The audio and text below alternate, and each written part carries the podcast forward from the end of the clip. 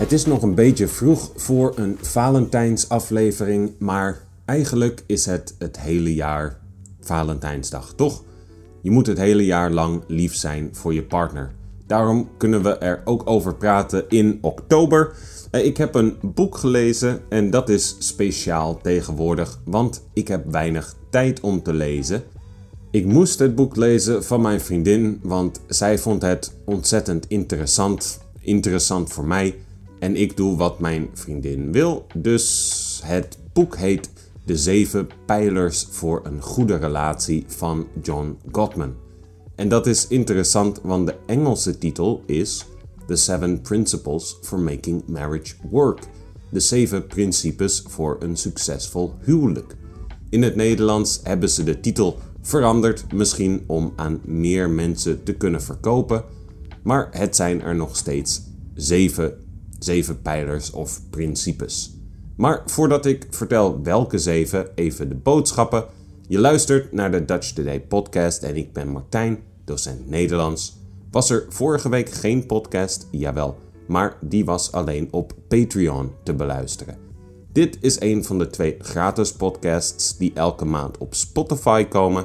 De twee andere podcasts en de transcripties met een lijst moeilijke woorden en een oefening komen op Patreon. En als je Patreon lid bent, kun je die podcasts ook via Spotify beluisteren. Word lid en volg me daar, dat kost maar 3 euro per maand. En zo help je de podcast in leven te houden. En je kunt meelezen met elke podcast. Er is ook een YouTube-kanaal en een Instagram. Alle links staan in de beschrijving.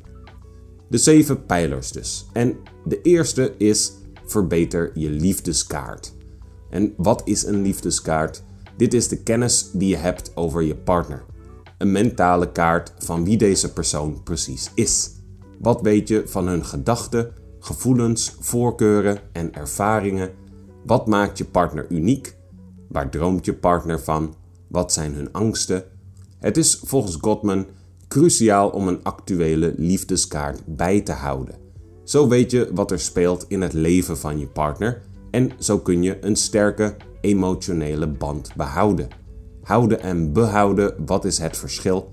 Houden is iets hebben en niet wegdoen. Behouden betekent dat je het ook goed verzorgt. Als je veel over je partner weet, dan zul je ook minder moeilijkheden in je relatie hebben, omdat je partner zich gehoord en begrepen voelt. Je partner is gelukkiger en er zal minder conflict zijn. Het is natuurlijk wel belangrijk dat je aan je partner laat zien dat je ze kent en begrijpt. Dit doe je door actief naar ze te luisteren en open vragen te stellen. Zo leer je meteen meer over de innerlijke wereld van je partner. Je kunt natuurlijk ook inspelen op de dingen die je van je partner leert of weet. Um, heeft hij heeft hij, hij, hij, ik probeerde er één woord van te maken. Uh, heeft hij of zij graag een klein cadeautje of liever een kaartje met lieve woorden? En ik zeg wel partner, maar dezelfde technieken werken vaak ook goed voor familie, vrienden of collega's. Actief luisteren is iets dat voor veel mensen moeilijk is, inclusief ik. Hoe kun je echt laten zien dat je naar iemand luistert? Goede vragen stellen natuurlijk oogcontact met de persoon maken en houden, niet naar je telefoon kijken terwijl de ander praat. Dat zijn allemaal logische dingen die je vast al wist. Maar wat ook belangrijk is, en ik wel eens vergeet, is om iemand uit te laten spreken en dan even te herhalen wat het belangrijkste punt was van het verhaal van de ander. Zo kun je meteen checken of je het goed begrepen hebt. Dan kun je bijvoorbeeld zeggen: Begrijp ik het goed als ik zeg dat je de laatste tijd voelt dat we niet genoeg tijd samen doorbrengen, dan voelt de ander dat je luistert en kan ze je corrigeren als je het verkeerd begrepen hebt. De tweede pijler waar Gottman over schrijft is het opbouwen en behouden van je vriendschap met je partner. En als jij liever een klassieke, traditionele relatie hebt waarin de man geld verdient en de vrouw het huishouden doet, ben je hier misschien niet in geïnteresseerd dan is het huwelijk voor jou formeler. Als jij en je partner op die manier gelukkig zijn, helemaal goed. Maar volgens Gottman is het beter om je partner te zien als je beste vriend of vriendin. Dat partners gedeelde interesses hebben, en samen plezier kunnen beleven. Hiervoor is het nodig dat partners samen dingen doen, samen dingen ondernemen. Van kleine dingen als samen naar de film gaan tot samen op wereldreis gaan. Op deze manier kun je samen een veilige en ondersteunende omgeving creëren waarin je kunt rekenen op begrip voor jouw zorgen en problemen. Daarvoor moet je destructief gedrag vermijden. Gedrag dat een gevaar is voor deze veiligheid zijn dingen als kritiek, minachting, defensiviteit en terugtrekking. Kritiek geven is niet hetzelfde als klagen. Een voorbeeld: klagen is zeggen: we brengen de laatste tijd niet zoveel tijd samen door en dat vind ik niet leuk. Kritiek geven is zeggen: jij bent altijd zo druk met werk, ik ben niet belangrijk genoeg voor je. Minachting betekent dat je eigenlijk geen respect voor een ander toont. Eh, dat is nog erger dan kritiek hebben. Bijvoorbeeld wanneer iemand zegt dat hij ook dingen in het huishouden doet, zeggen: Oh ja, als ik slaap zeker. Dus iemand niet serieus nemen. Defensiviteit is moeilijk om te voorkomen voor mij persoonlijk. Dat zit bij mij in de familie, maar ik hoor het ook veel andere mensen doen. Als iemand klaagt, meteen terugklagen. Dan zegt iemand meteen: Ja, maar jij doet dat ook. Of dat komt omdat jij dat deed. Dat helpt de discussie niet, want dan kom je niet vooruit. Je leert niets uit de klacht die iemand je vertelt en die persoon voelt zich niet gehoord en voelt dat je ze niet begrijpt. Als jij ook een klacht hebt, moet je wachten op het juiste moment en niet het moment innemen van iemand anders. Maar veel van ons zijn zo bang voor klachten dat we dit heel moeilijk vinden. We hebben het gevoel dat we iets zullen verliezen, onze positie, als we de ander laten uitpraten en ons vertellen wat we beter kunnen doen. Houd je mond dus en laat de andere persoon uitpraten. Dit geeft ze meer respect voor jou en geeft je meer kans om het probleem op te lossen dan wanneer je ze onderbreekt. Het doet misschien even pijn, maar je kunt er veel mee winnen. Laat dan ook weer zien dat je actief luistert door even samen te vatten wat ze zeggen. Degene die klaagt moet natuurlijk ook oppassen dat ze klagen en geen kritiek geven. Daarvoor is het goed om geen absolute woorden als altijd, nooit, alles of niets te gebruiken.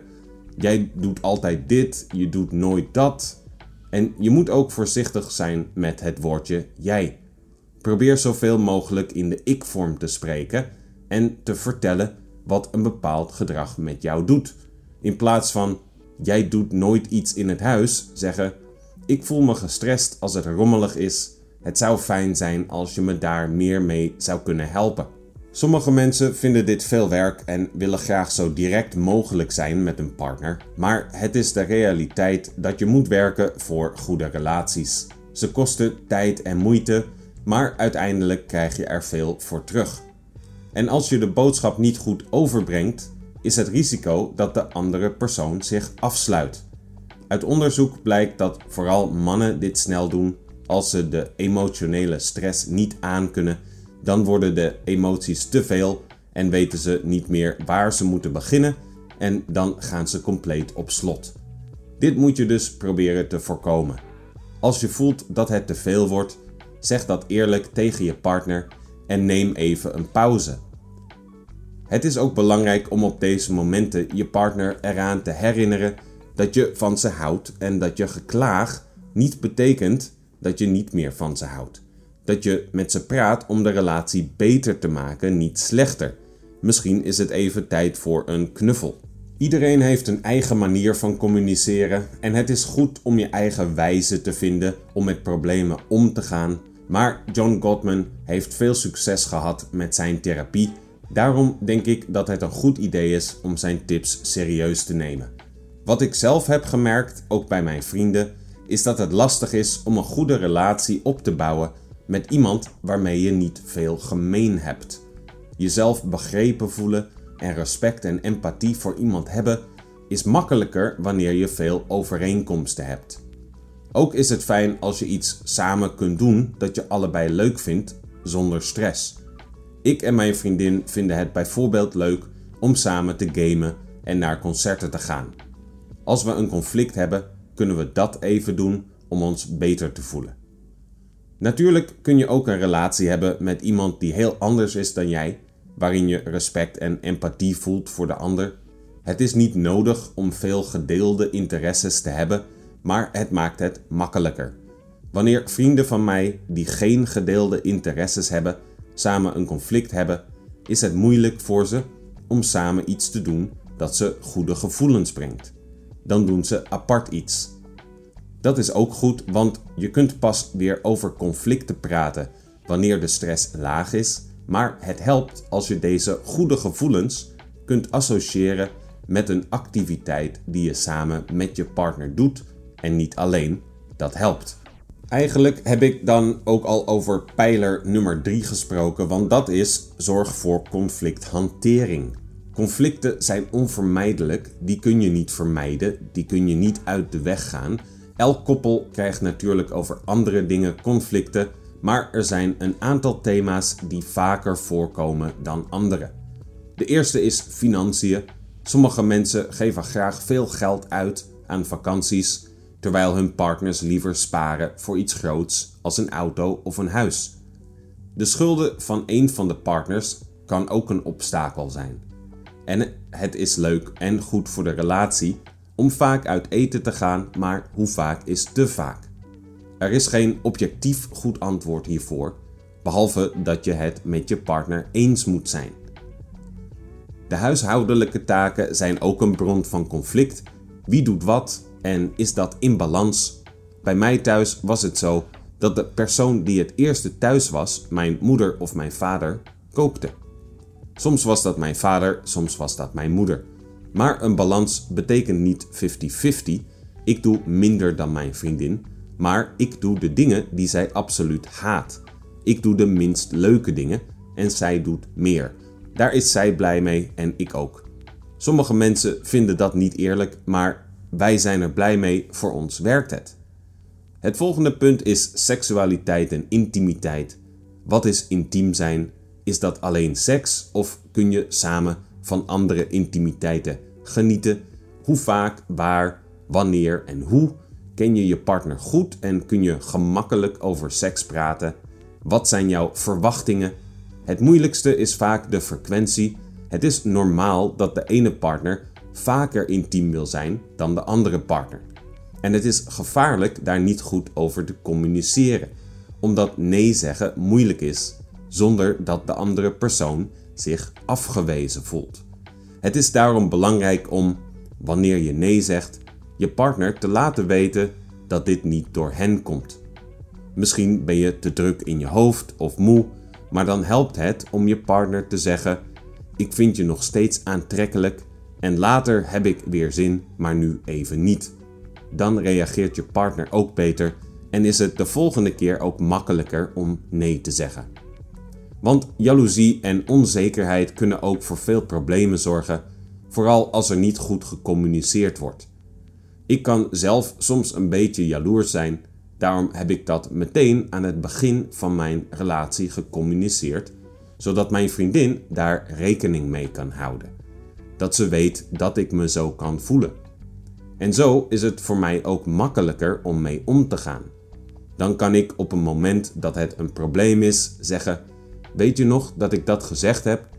Eh, nu is zo'n moment. Dan is je partner ook niet verrast door je gevoelens. Je partner moet je gevoelens natuurlijk wel respecteren. Ik kom uit een relatie waarin mijn gevoelens niet werden gerespecteerd en er geen rekening met mij gehouden werd, dan helpt communicatie ook niet meer. Dan gaat iemand constant over je grenzen heen en ga jij je steeds onzekerder voelen. We hebben natuurlijk allemaal zwakke punten en je moet je partner een beetje uitkiezen op hun zwaktes. Of zoals de filosoof Alain de Botton zegt: iedereen is gek, dus zoek een partner met wiens gekte je kunt leven. Want een normaal mens zul je nooit vinden. Maar ik zie dat ik pas bij nummer 3 ben, eh, pijler nummer 3, en ik heb al geen tijd meer. Dus de volgende keer ga ik verder. Eh, dat is voor de Patreon podcast. Dus als je die ook wilt horen, abonneer je op mijn Patreon kanaal. Kom bij de Patreon familie. Dat kost 3 euro per maand, maar dan krijg je alle transcripties dus eh, met een moeilijke woordenlijst en een oefening. En mijn dank natuurlijk. Dus tot volgende week op Patreon of tot over twee weken hier op Spotify. Tot dan, doei!